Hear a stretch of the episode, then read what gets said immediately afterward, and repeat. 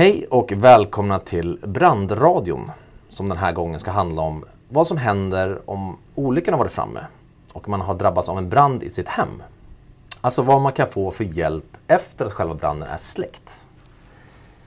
2015 genomförde räddningstjänsterna i Sverige 9500 insatser mot brand i byggnad där 57 procent faktiskt var bränder i någons bostad. Till min hjälp för att reda ut det här har jag idag fått besök av insatsledaren till lika restvärdsledaren Lars-Åke Stevelind. Eh, välkommen till Brandradion Larsa. Tack så mycket. Är det okej om jag använder Larsa? Det är okej. Bra. Mm. Vad ett befäl på räddningstjänsten gör kanske de flesta på något sätt kan inbilla sig. Mm. Men eh, vad är och gör en restvärdsledare egentligen? Ja, det är en helt eh, fristående organisation då som eh, eh egentligen Brandförsvarsföreningen står bakom.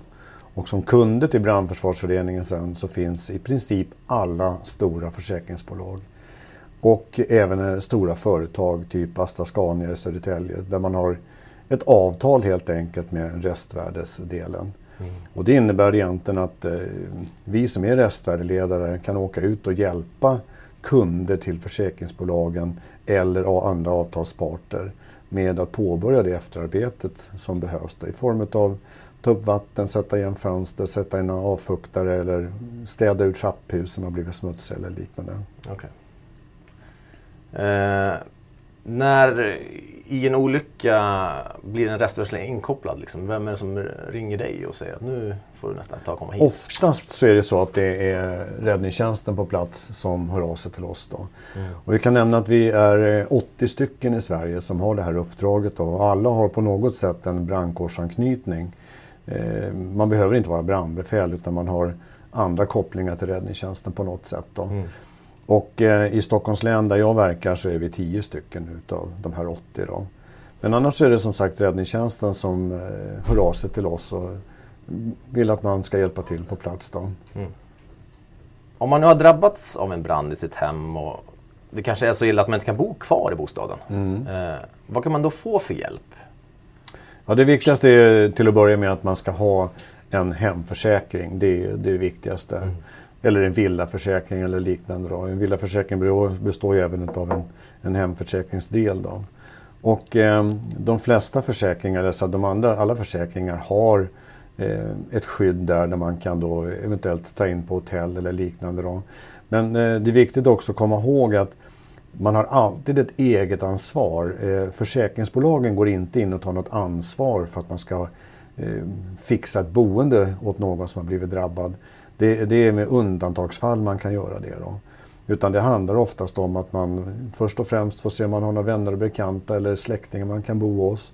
Eh, fungerar inte det, ja då kanske till och med så att eh, bostadsföretaget man har har någon typ av evakueringslägenheter eller vad det nu kan vara. Då. Mm. Så det ser väldigt, väldigt olika ut. Eh, om man tittar på de, stora, de stora försäkringsbolagen så, så är det svårt att säga något generellt för det ser så himla olika ut. Okay. En del hjälper folk hela vägen och andra kanske säger att Nej, men, eh, ta in på hotell du, det är det som är, gäller just nu. Då. Mm. Men vilken som gör vad, det, det kommer inte ens jag ihåg utan det får jag ta för varje enskilt tillfälle. Ja, just det. det finns någon annan hjälp så där man kan få, eh, man kanske mår lite dåligt efteråt och lite sådana saker? Ja, eh, just för det psykosociala omhändertagandet finns ju inte egentligen någon klausul i försäkringsdelen Eh, just vad det gäller efter bränder och sånt. Då. Men eh, där fungerar ju faktiskt vi oftast som, som restvärdeledare som en del i det här att påbörja en bearbetning och, och hjälpa folk till rätta. Mm. Så att de mjuka värdena som vi går ut och faktiskt bidrar med när vi kommer ut väldigt snabbt till en olycka eller till en händelse där människor faktiskt från att ha varit väldigt långt ner i mörkret eh, faktiskt kanske till och med börjar se ljuset i, i tunneln redan efter ett par timmar. Mm. Ehm, det, är, det är faktiskt något som försäkringsbolagen ser som väldigt viktigt att vi kommer ut och gör. Då. Mm. Men i övrigt så mår man riktigt dåligt då är det ju sjukvården som eh, i första hand ska, ska hjälpa till på den biten. Mm. Okej. Okay. Um, när jag ändå har det här så tänkte jag att du får chansen här att berätta lite mer om vad eh, försäkringsbolagen och, och rättsväsensledare egentligen gör vid andra typer av olyckor. Mm. Eh, som sagt så är det så, vi kan också nämna det att även räddningstjänsten har ju en del i det här med restväderräddning. Och alla räddningstjänster i Sverige har ju ett avtal med brandskyddsföreningen om att göra rökfritt och torrt och hjälpa till alltså i att rädda egendom utifrån ett försäkringsperspektiv och inte enligt det som är lagen om skydd mot olyckors uppdrag om egendomsräddning. Men eh, det är också så att, eh, och i det avtalet ingår ju annat också än bara det, utan det är rensa vägbanor och se till evakuering från tåg och sådana saker. Eh, vi har också ett uppdrag vad det gäller transportskador på i princip alla vägar. Mm. Där vi ska hjälpa till både att få vägen farbar och att jobba utifrån de försäkringsperspektiv som finns på en transport. Det är alltifrån godsets försäkring, speditörens försäkring, åkeriägarens försäkring, väghållarens försäkring. Mm. Så att eh, det kan bli rätt mycket att hålla rätt på. Då. Mm. Och där fungerar vi egentligen mer som en, en eh, som jag säger, en koordinator utifrån de olika intressenterna som finns. Då. Mm. Så att det, och det är de uppdragen som egentligen, om man får uttrycka sig lite vanligt, är lite svårast. Då. Ja, en, en lägenhetsbrand eller de här andra bränderna, det, där ser vi ju till att eh, människor så fort som möjligt, blir skitigt i trapphuset så gör vi rent så att inte andra människor släpar in smutsen i sina lägenheter. Då, för mm. att eh, vi ska ju minska konsekvenserna av händelserna så, mycket, händelserna så mycket som möjligt. Då. Men annars är det ju oftast, det, stora mängden är ju bränder och vattenskador framförallt då, mm. som vi tar hand om. Okay. Så att eh, sammanfattningsvis så påbörjade då räddningstjänsten eh, någon form av jobb direkt när de är där. Så börja rädda saker och ja, det, absolut. det är så det går till. Ja, så mm. går det till. Och, um, vi har ju möjligheter då att eh, som restaurangledare så har vi ett mandat att under 48 timmar eh, göra saker mot eh, i sannolikt försäkrad egendom. Så det innebär att vi behöver inte ha kontakt med försäkringsgivare eller fastighetsägare eller någonting egentligen utan att vi beställer arbete. Och det här är en unik eh, del som finns egentligen bara i Sverige. Eh, I hela världen då. Eh, Norge har en liten kopia på hur man jobbar men i Sverige är det unikt just att försäkringsbolagen har gett en sidoorganisation, om man får uttrycka sig så, mandat mm. att jobba på. Så att, och det fungerar väldigt bra. Mm.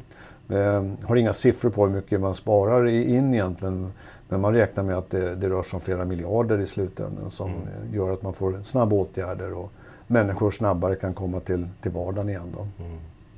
Blir folk förvånade över att, eh, att den här hjälpen finns när de väl är drabbade? Så ja, ja, ja, absolut. Mm. Eh, de flesta har ingen aning om att det finns överhuvudtaget.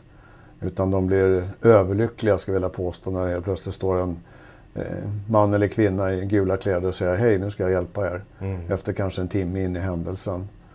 Och, eh, nej, så det, det är inte väl känt bland, bland eh, kunderna till försäkringsgivarna om man säger så. Nej, det är det inte. Men du, vad händer då om jag inte har hemförsäkring och blir drabbad? Ja, då står man där. Ja. Då, eh, det har jag faktiskt varit på ett, ett flertal tillfällen där familjerna inte haft någon hemförsäkring. Eh, men det innebär egentligen att eh, vi kan inte hjälpa till. Det finns inget eh, försäkringsunderlag att falla tillbaks på. Fastighetsbolagen har väldigt svårt att hjälpa till om det är så att man har bränt ur sin lägenhet av någon anledning och inte har någon försäkring. Mm. Ehm, så det, det som återstår då det är det andra skyddsnätet vi har i samhället och det är sociala myndigheter mm. och polisen som får hjälpa till. Och polisen är då inkörsporten till de sociala myndigheterna. De har ju alltid jouren där då. Mm. Så då får man vända sig dit mm. med allt eh, vad det innebär i stök och bök. Ja, Så att eh, hemförsäkring oavsett var man bor, det är ett billigt sätt att försäkra sig mot ett framtida förhållandevis gott liv om man skulle bli drabbad. Ja, Annars blir det stökigt.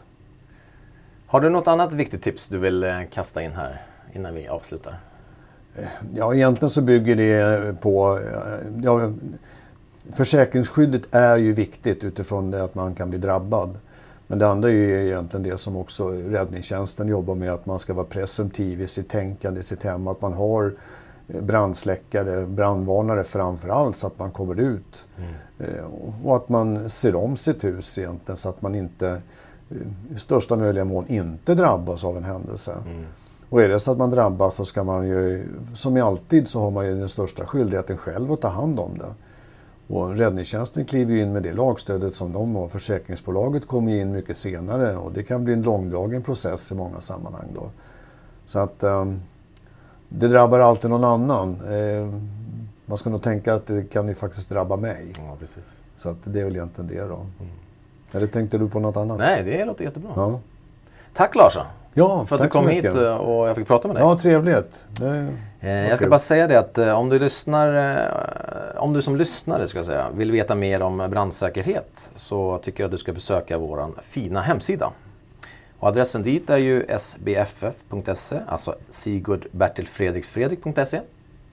Eller varför inte följa Södertörns brandförsvarsförbund på Facebook och Instagram för den senaste informationen. Den här podden presenteras av Södertörns brandförsvarsförbund. Jag heter Tröst Evans.